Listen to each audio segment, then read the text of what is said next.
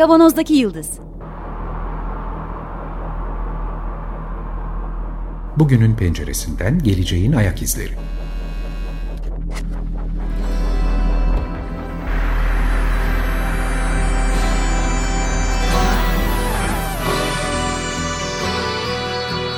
Hazırlayan ve sunanlar İsmail Başöz, Haluk Levent, Mustafa Yılmazer ve Fethiye Erbil. Merhabalar. 94.9 Açık Radyo'da Kavanoz'daki Yıldız'ı tekrar karşınızdayız. Merhaba. Ee, bugün duyduğunuz gibi Haluk, Fethiye ve ben Mustafa e, karşınızdayız. İsmail Kaçak, Haymatlos diye dolaşıyor. İftira. İsmail Firar'da e, Avrupa'yı Keşif kar- gezisinde ara- Evet, bilimsel karış karış. araştırmaları Ona yakından dedim Fenerbahçe ediyor. seni özledi. Gelsin diye yalvarıyor ama acaba. Yok. Ee, bugün geçen haftalarda başlığını attığımız aslında uzundur konuştuğumuz birkaç e, hep konunun aynı yere geldiği bir başlığımızı derinleştireceğiz. Konu e, akıllı makinelerden daha önce bahsettiğimiz robotlardan, akıllı makinelerden, yapay zekadan falan bahsederken acaba hep konunun geldiği bir nokta bunlar savaşta kullanılabilir mi? Bunlar bu zekalarıyla insan öldürmeye karar verebilir mi? E, drone bir robot olarak e, bir mi? araç hı. olarak araç olarak sahaya sürülebilir mi? Bir asker gibi sahaya sürülebilir mi? Buraların etrafında dönüp durduk. Şimdi hadi dedik bu konuyu tek başına konuşalım. Ama Acaba- bu bunu ne tetikledi? En son olan e, mesele Orta Doğu'daki değil mi? evet. E, o, hafta. o da bir şey oldu tabii öne çıkması için çok iyi Biz bir önceden karar verdik o üstüne oldu. geldi Denk aslında. geldi. Hı hı. Yani bir sene falan öncesinde biz e, robotların kuralını Asimov'un ilk romanında yazdığı o, ro- kurallarını söylerken üç kuraldan bir tanesi robotun insana zarar vermeyeceğiydi.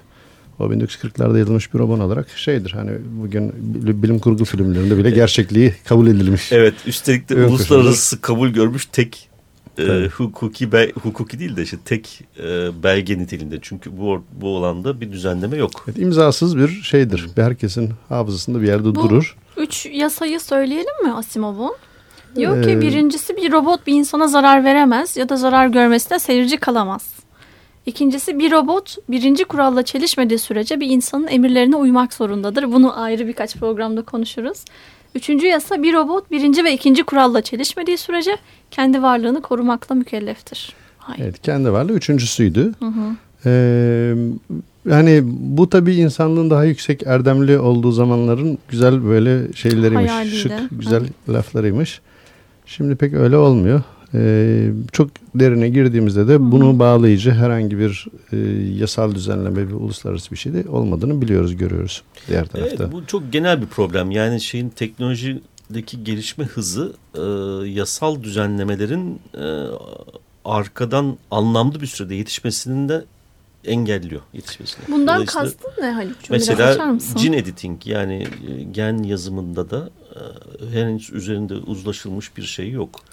İşte bu robot meseleleri, drone hikayeleri bunların hiçbirinde uluslararası çerçeve oluşturacak bir Şimdi- e, uzlaşma metni yok.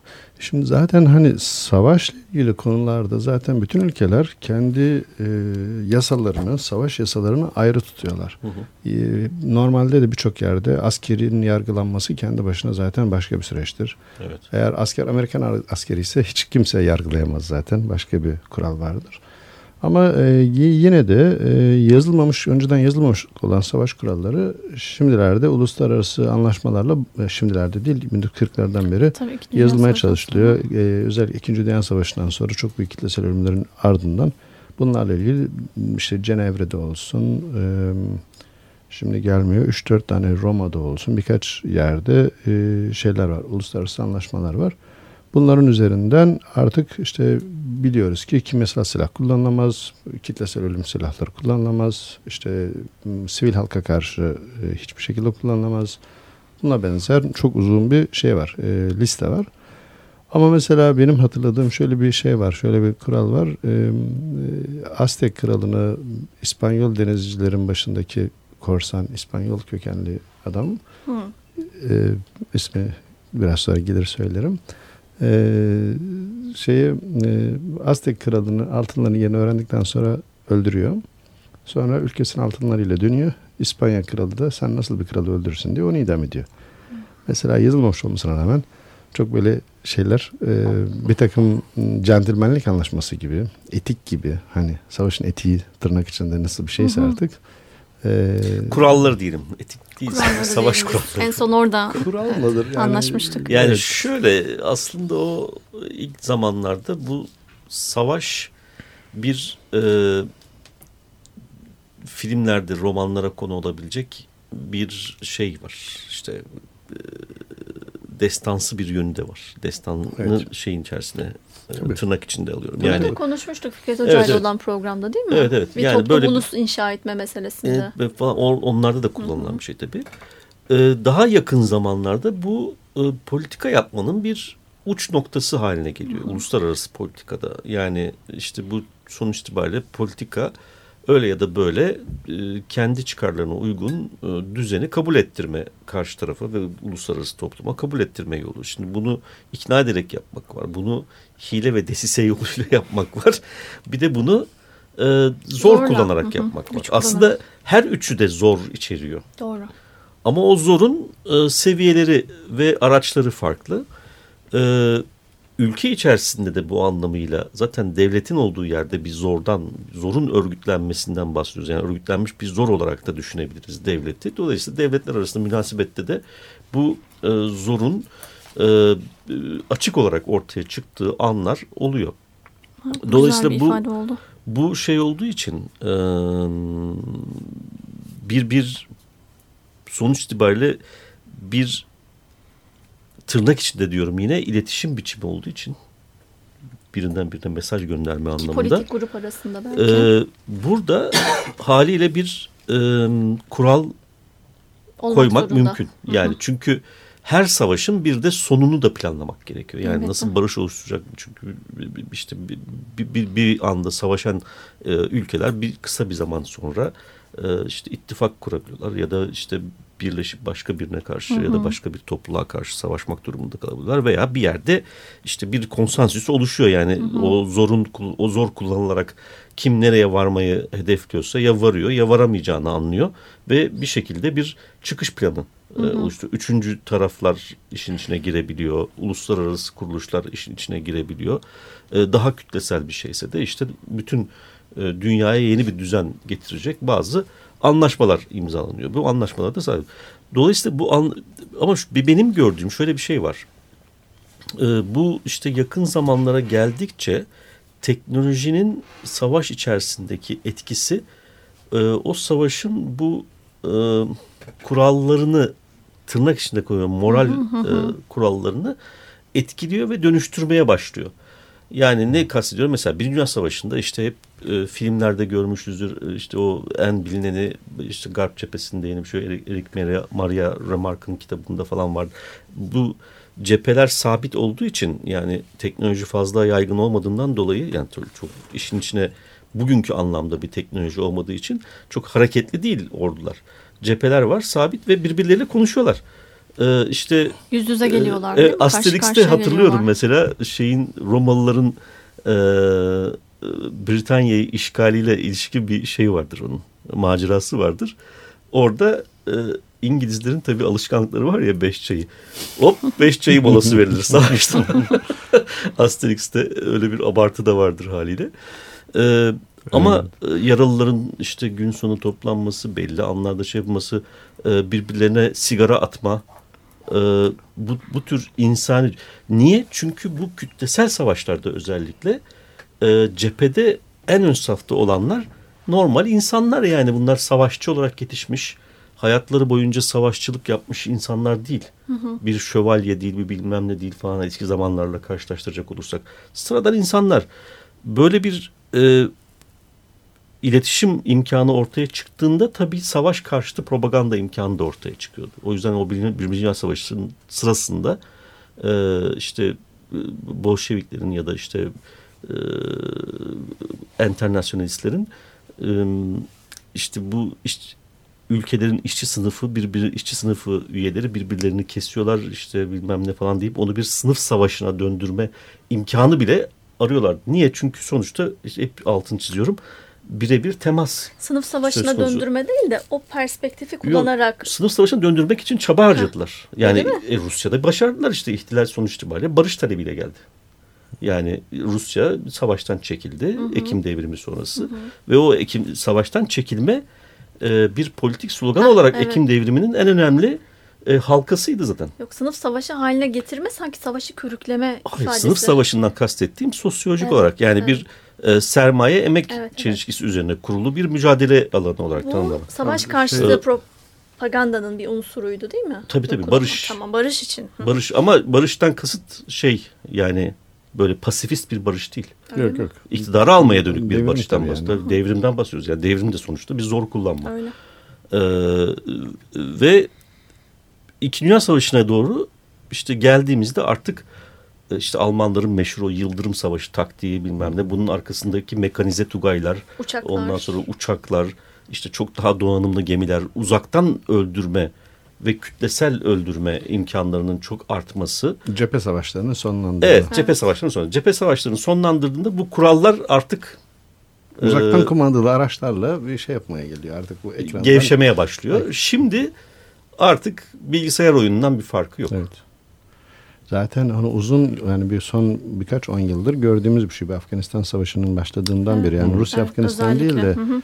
e, evet. Afganistan'ı Rus Amerika 11 Eylül'den sonra itibaren Hı hı. 11 Eylül'den Öyle sonra Öyle bir yazılıyor. tarihçe Evet. vardı. 11 Eylül'den sonra artık bu şeyler e, özellikle Amerikalıların geliştirdiği e, silahlı e, insan savar araçlarıyla birçok operasyon doğrudan işte onların e, terörist diye tanımladığı bazen sivil halka da sirayet ettiği veya, Bazenden çok daha fazla veya sayıda. sivil Ha, halkın da kalkan olarak kullanıldığı Tabii. filan durumlarda çok fazla bir şekilde kullanılıyor. Şey- Ama burada şöyle bir istatistik ha. yapıyorlar. Hı hı hı. Mesela bir e, ajan e, şey UAV, UAV diyeceğim. İnsansız İHA. Bu, İHA. evet, e, bir ajan İHA birkaç görsel alıyor. Gerçek aradıkları kişinin görsel olup olmadıklarına bakıyorlar. İstatistik çalıştırıyorlar. Hı hı. Yüzde 50'nin üzerindeyse yani yüzde 51 ise Yüz tanıma mı oraya kullanıyor? yüz tanıma gibi yani fotoğraflar çekiyorlar ve bunu e, oradaki araç şey yapıyor. Bunu ben bir filmde gördüm açıkçası ne kadar doğru olduğunu bilmiyorum. Ama e, olasılık olarak aradıkları kişilerin yüzde 50'den fazlasıysa bu saldırıya üst komutan onay veriyor. Olasılığına göre evet veya hayır diyor. İşte sonucunda hani bugün herhangi bir olayda evet veya hayır dendiğinden bir net olarak bir, bir şey söyleyemiyoruz ama çok fazla sivilin öldürüldüğünü biliyoruz zaten. Tabii, tabii. Ee, sonucunda e, birisi çok kolaylıkla yes diyor ve konu kapanıyor. Ben araya girip şunu belki en başına yapmamız gereken şeyi Bu sormak konuya istiyorum. tekrar dönelim, ama e, sen Yani söyle. şey benim gibi böyle sadece bu konuya kulak dolgunluğu olan insanlar için mesela İHA'ne, SİHA'ne sonra insanlar fotoğraf çekmek için düğünlerini vesaire çekmek için de drone kullanıyorlar. Bunun savaş için kullanılanı mı var yoksa böyle özel bir- bireylerin kullanımına açık olanı mı var? Bu farklar ne? Teknik farklar ne aralarında? Nasıl bir şey? Drone ya da İHA Ee, farkı ne? Yani işte İHA Unmanned Air, Air Vehicle olan e, kendi başına uçabilen bir- üzerinde bir bat- bataryası olan ekseriyetle şeyli e, bat pilli yani elektrik motoruyla bu saat böyle olduğu için de bir elektrik şey benzinli motor gibi ses çıkartmayan ya da jet mi? gibi ses çıkartmayan Daha az ses. Gayet böyle sessiz, süzülür yürümüş gibi giden ve şey yapan, e, istediği boyutta da üretilebilen. Öyle mi? Çok küçük yani bu bir evin içinde dolaşan bir küçük kuş kadar da olabilir. Bir taraftan girip öbür pencereden çıkabilir. İstediği görüntüleri alabilir. Aynı anda konum gönderebilir. Amacına göre her boyda üretilebilen bir şey. Çok büyük böyle yük taşıyanlar da var. Yani arabayı da kaldırabilenler Öyle mi? var. Nakliyen amaçlı kullanılabiliyor. Ya belki şey daha- Amazon e, delivery olarak kullanıyor işte. Ha, Amazon doğru. Amazon e, kurye olarak Kurye şey olarak yapıyor, kullanıyor. kullanıyor. İrtifa Hızlı. kabiliyeti nasıl? Çok yükseğe Ee, çıkabiliyorlar çok mı? yüksek değil aslında. Gerek de olmuyor çünkü aslında boyutları küçük olduğu için radarlara yakalanma olasılıkları daha yüksek. Daha düşük pardon. Ee, daha düşük. O yüzden şey yapılmıyor. Hani özellikle bir de şimdi artık radar yakalama uçağı da yaptıklarına göre zaten onu da yüz- yüzeyini ona göre kaplayıp bu olasılıkları küçültüyorlardır. Bir de bunun Ee, SİHA'sı var. Silahlı olunca da SİHA ismini alıyor. Ee, Türkiye işte yaklaşık 10 sene önceye kadar filan İsrail malı olanlarını kullanıyordu bunların. İsrail'den alıyordu. Sonra İsrail'le arada sorun çıkınca Türkiye'nin, Türkiye kendisine yenilerini geliştirdi. Hatta tabii Cumhurbaşkanı'nın damadı sanıyorum öyle bir Evet İşin Bayraktar grubu Bayraktar? bu işleri yapıyor. Ee, şeyler hani teknolojik olarak iyi oldukları söyleniyor ama bu tabii bizim şeyimiz değil, konumuz değil. Çok bilmiyoruz bu tarafı. Ee, şey e, ilk önce İHA olarak üretip yani uçurabilmek bir kere önemli bunu ve yerden bunun kontrol sistemleri bir askeri standarda getirmek filan. Bu şekilde istihbarat amaçlı kullanılıyor. Bunun şey tarafı hani büyük avantajı normalde uydudan falan fotoğraf çekmeye çalıştığınızda çok uzaktasınız. Ama bu şekilde yaptığınızda veya çok yaklaşmak isterseniz dünyanın yani o bölgenin üzerinden çok hızlı geçiyorsunuz. Yani orada 15 Doğru. dakika içinde görüntü alıp Bir koca bir tur atıp yeniden geçmek gerekiyor filan. Çok zor bir şey bu uydularla bu işi yapmak ama orada siz hedefe dönük yerden birisi kalkıyor dağın arkasına bakıyor geri geliyor. 15 dakika sonra işte müdahale edebiliyorlar. Lazerle işaretleme falan bile yapılıyor. Lazerle işaretleme yapılabiliyor. Yani bir tane bu drone havada asılı kalıyor. Hedefin üzerine görünmeyen bir lazer ışığı tutuyor. Öteki taraftan o lazeri e, hedef Takip olarak seçen füze geliyor. güdümlü bir füze. Onun peşinden e, onu vurabiliyor ki son e, işte İranlı General Süleyman öldürüşünde de böyle Böyle bir şeyden şüpheleniyorlar şu anda. Evet videosu da yayınlanmıştı işte. Dolayısıyla orada da bu e, uzaktan birkaç tane drone'un koordineli bir saldırısı e, olduğu anlaşılıyor. E, yani bu hani teknik olarak bir tane hedef gösteren olabilir. Orada bulunan bir drone tarafından ikinci bir saldırı yapılabilir. Bir tane drone takip edip hedefi dinamik haldeyken sürekli işaretli tutup uzaktan daha açıkta bir denizaltıdan fırlatılan bir füze gidip bunu Evet. vurabilir. Bir sürü tekniği var bunun. Uydu güdümlü işte çok tehlikeli artık hani e, marka model falan söylemeye gerek yok ama korkunç teknolojiler var bu işe kafa yorulan ve para harcanan. Ee, Peki burada bu şey yani kontrol kimde? şöyle e, En büyük soru bu benim ben aklımdaki. şöyle şöyle Yani bir tane hangi film aşamada aslında? bir film var. E, bu galiba e, bağımsız bir yani Amerikan filmi ama bağımsız bir film. Babil olmalı. Yok yok. Yok. e, Good Killing diye bir şey. Türkçe Türkiye'de oynamadı, vizyona girmedi. Çok böyle düşük bütçeyle çekildiği belli. Bir onu izledim. Çok yıl, iki yıl, üç yıl kadar önce Good izlemiştim. Kill. Evet, Good Kill diye bir film. Ee, bir de o film hakikaten iyi bir film ama. Yani bütün bu psikolojik travmaları, şunu bunu işte ne anlatıyor? Bahsedeceğim şimdi. Bir de yine çok iyi bir kitap var. Bu drone meselesinin e, insani insanı insan olmaktan nasıl çıkarttığını falan da anlatan. A Theory of the Drone. Gregoire Chamayou diye bir Fransızın yazdığı bir kitap. Bu kitabın içerisinde birkaç e, saldırının e, şey deşifreleri var Dökümleri. dökümleri var. Dolayısıyla oradan aktörleri çıkartabiliyoruz aslında. O filmde de vardı. Bir pilot var. Evet. Pilot işte bu saldırıyı gerçekleştirecek şeyi kullanıyor. Bir tane sensor operator dedikleri bir şey var. O işte izliyor, e, şey yapıyor falan. Bir tane CIA'den büyük ihtimalle. Bu, bu operasyonlar genellikle CIA'den CIA gerçekleşiyor. kontrolündeymiş bize onu okuduk Ee, raporlarda. CIA'den görevli Mission işte Intelligence diye geçen ya da öyle bir e, şey var, ekip var. O ekip asıl kararı veren o ekip. O ekip Washington'da. Ee, filmde mesela o pilot ve şey e, sensor oper- operator dedikleri adamlar şeyde e, Amerika'da gü- güneyinde bir çölde bir konteynerlardan oluşan bir e, üste üst demek için de bir inşa ister de böyle bir sürü yan yana yan yana yan yana konteyner var barakalar. falan barakalarda. Şimdi bu e, o kadar yabancılaştırıyor ki insanı. Tabii. Bu konuşmaları e, Esas zaman odaklanalım istiyorum ben izlediğinde de. Evet. ee, mesela diyor ki adam aa burada bir tüfek gördüm galiba diyor ve heyecanla falan. Ondan sonra öteki diyor ya o tüfek miydi değil miydi bir acaba obje mi olabilir mi bilmem ne falan diyor. Sonra çocuk var mı yok mu diyor. O film de tamamen bunun üzerine kuruluydu zaten. Ee, çünkü bu bu silahların e, devletleri terörist e, seviyesine çıkartan özelliği e, kişiselleşmiş bir hedefe genel bir saldırı yapması aslında.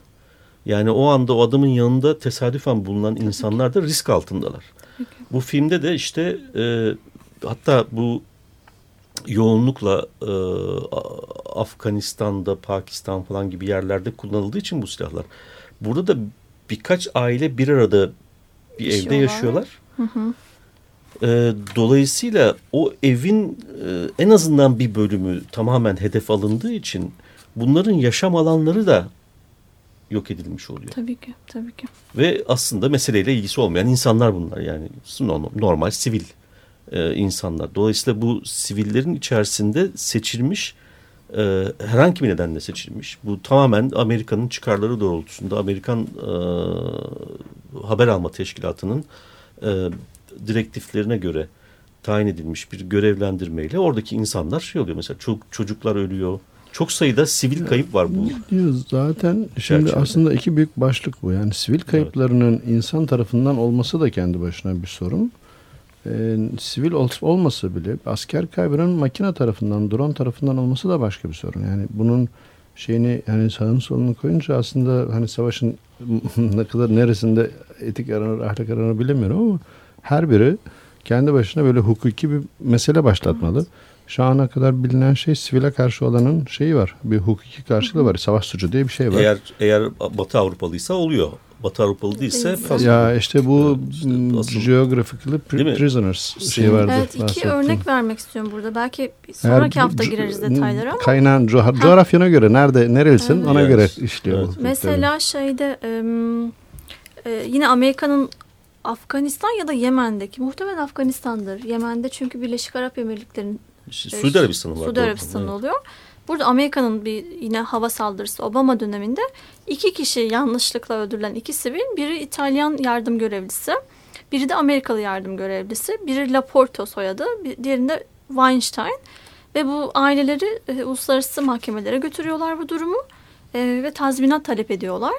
E, sadece bu ailelere birer milyon euro okuyabildiğim kadarıyla rapordan The Humanitarian Impact of Drones diye bir rapor okuduk biz 2017 basım orada yazıyor. Ee, herhangi bir işte şey Yemenli ya da Afgan aileye herhangi bir ödenmiş tazminat yok. Bu tazminatı da şey karşılığında veriyor, imzalatıyor. Ben de herhangi bir yasal yaptırımla karşılaşmayacağım diyor. Amerikan ordusu, devleti. Herkese. Yani dava açmama karşılığında evet. o kan parası gibi bir şey veriyor evet. sonuçta. Böyle yani işte doğdu, doğduğun yerle ilgili. Hemen memleketine göre e, suçlu veya masum Bu veya 2015'te oluyor. 2000 yani Obama'nın dönemi biterken galiba sızıyor basına. Toplumla halkla paylaşılan bir şeyde değil yani bilgide hmm. değil. Tabii Tamamen emsal olur. Emsal evet, olur bir evet. de böyle bir şey. O istedi ben de isterim dersin. Obama'ya sormuşlar bir basın toplantısında neden bu üstü kapalı kaldı diye. O ailelerin ününü işte korumak için, adını evet, korumak tabii. için demiş. Bu yani bu işin etiğini siyasetten arındırmak veya Hı. coğrafyalardan mümkün arındırmak değil. mümkün değil. O coğraf, o kanun orada çalışır, burada çalışmaz evet. işte. Evet. Bu zaten doğrudan dönüyor. Bu savaş kuralı diye tırnak içinde söylüyorum yani. Onları e, tümüyle az önce söylediğim gibi ortadan kaldıran, elimine eden e, öldürme işlemini basit kendince bir haza dönüştüren bir oyun gibi çünkü konuşmalardan da anlaşılıyor bu. E, kendi aralarındaki konuşmalardan da anlaşılıyor. Ve bu anlamıyla da devletleri bir kez daha altını çizerek söylüyorum. Kural tanımazlığıyla ve bu şekilde e, genel özel olarak seçilmiş bir hedefi e, genel olarak e, yok etmeye yok etmeye dönük bir eylem olması itibariyle de terörist seviyesinde değerlendirmek için yeterlidir bu. Yani devlet terörünün en uç noktasıdır bu artık. Bu biraz baktım ben de hukuki terimde ne deniyor diye savaş kanunu mu etiği mi? Savaş hukukuyla başlamışlar bu terimi kullanmaya hukukta. Sonra son dönemlerde silahlı çatışmalar hukuku olarak Tabii çünkü geçmiş. savaş değil.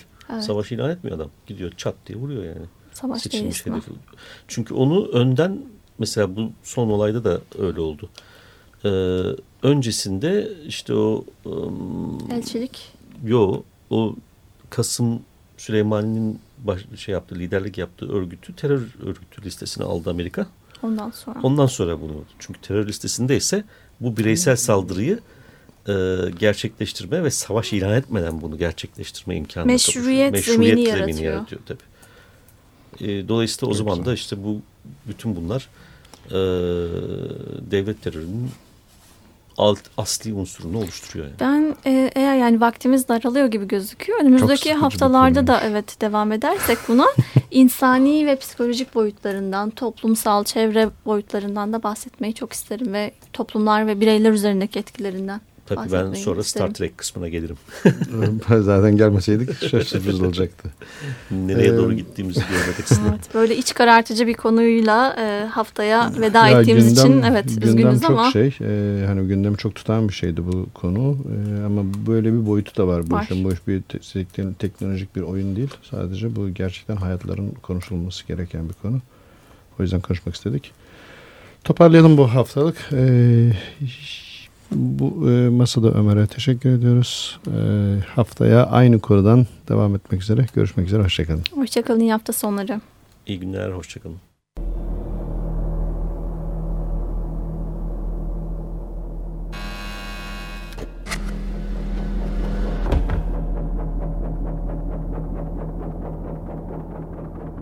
Kavanozdaki Yıldız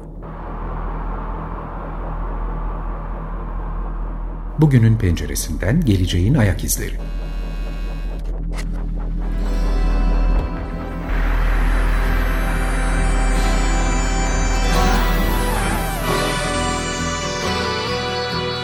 Hazırlayan ve sunanlar İsmail Başöz, Haluk Levent, Mustafa Yılmazer ve Fethiye Erbil. Açık Radyo program destekçisi olun bir veya daha fazla programa destek olmak için 212 alan koduyla 343 41 41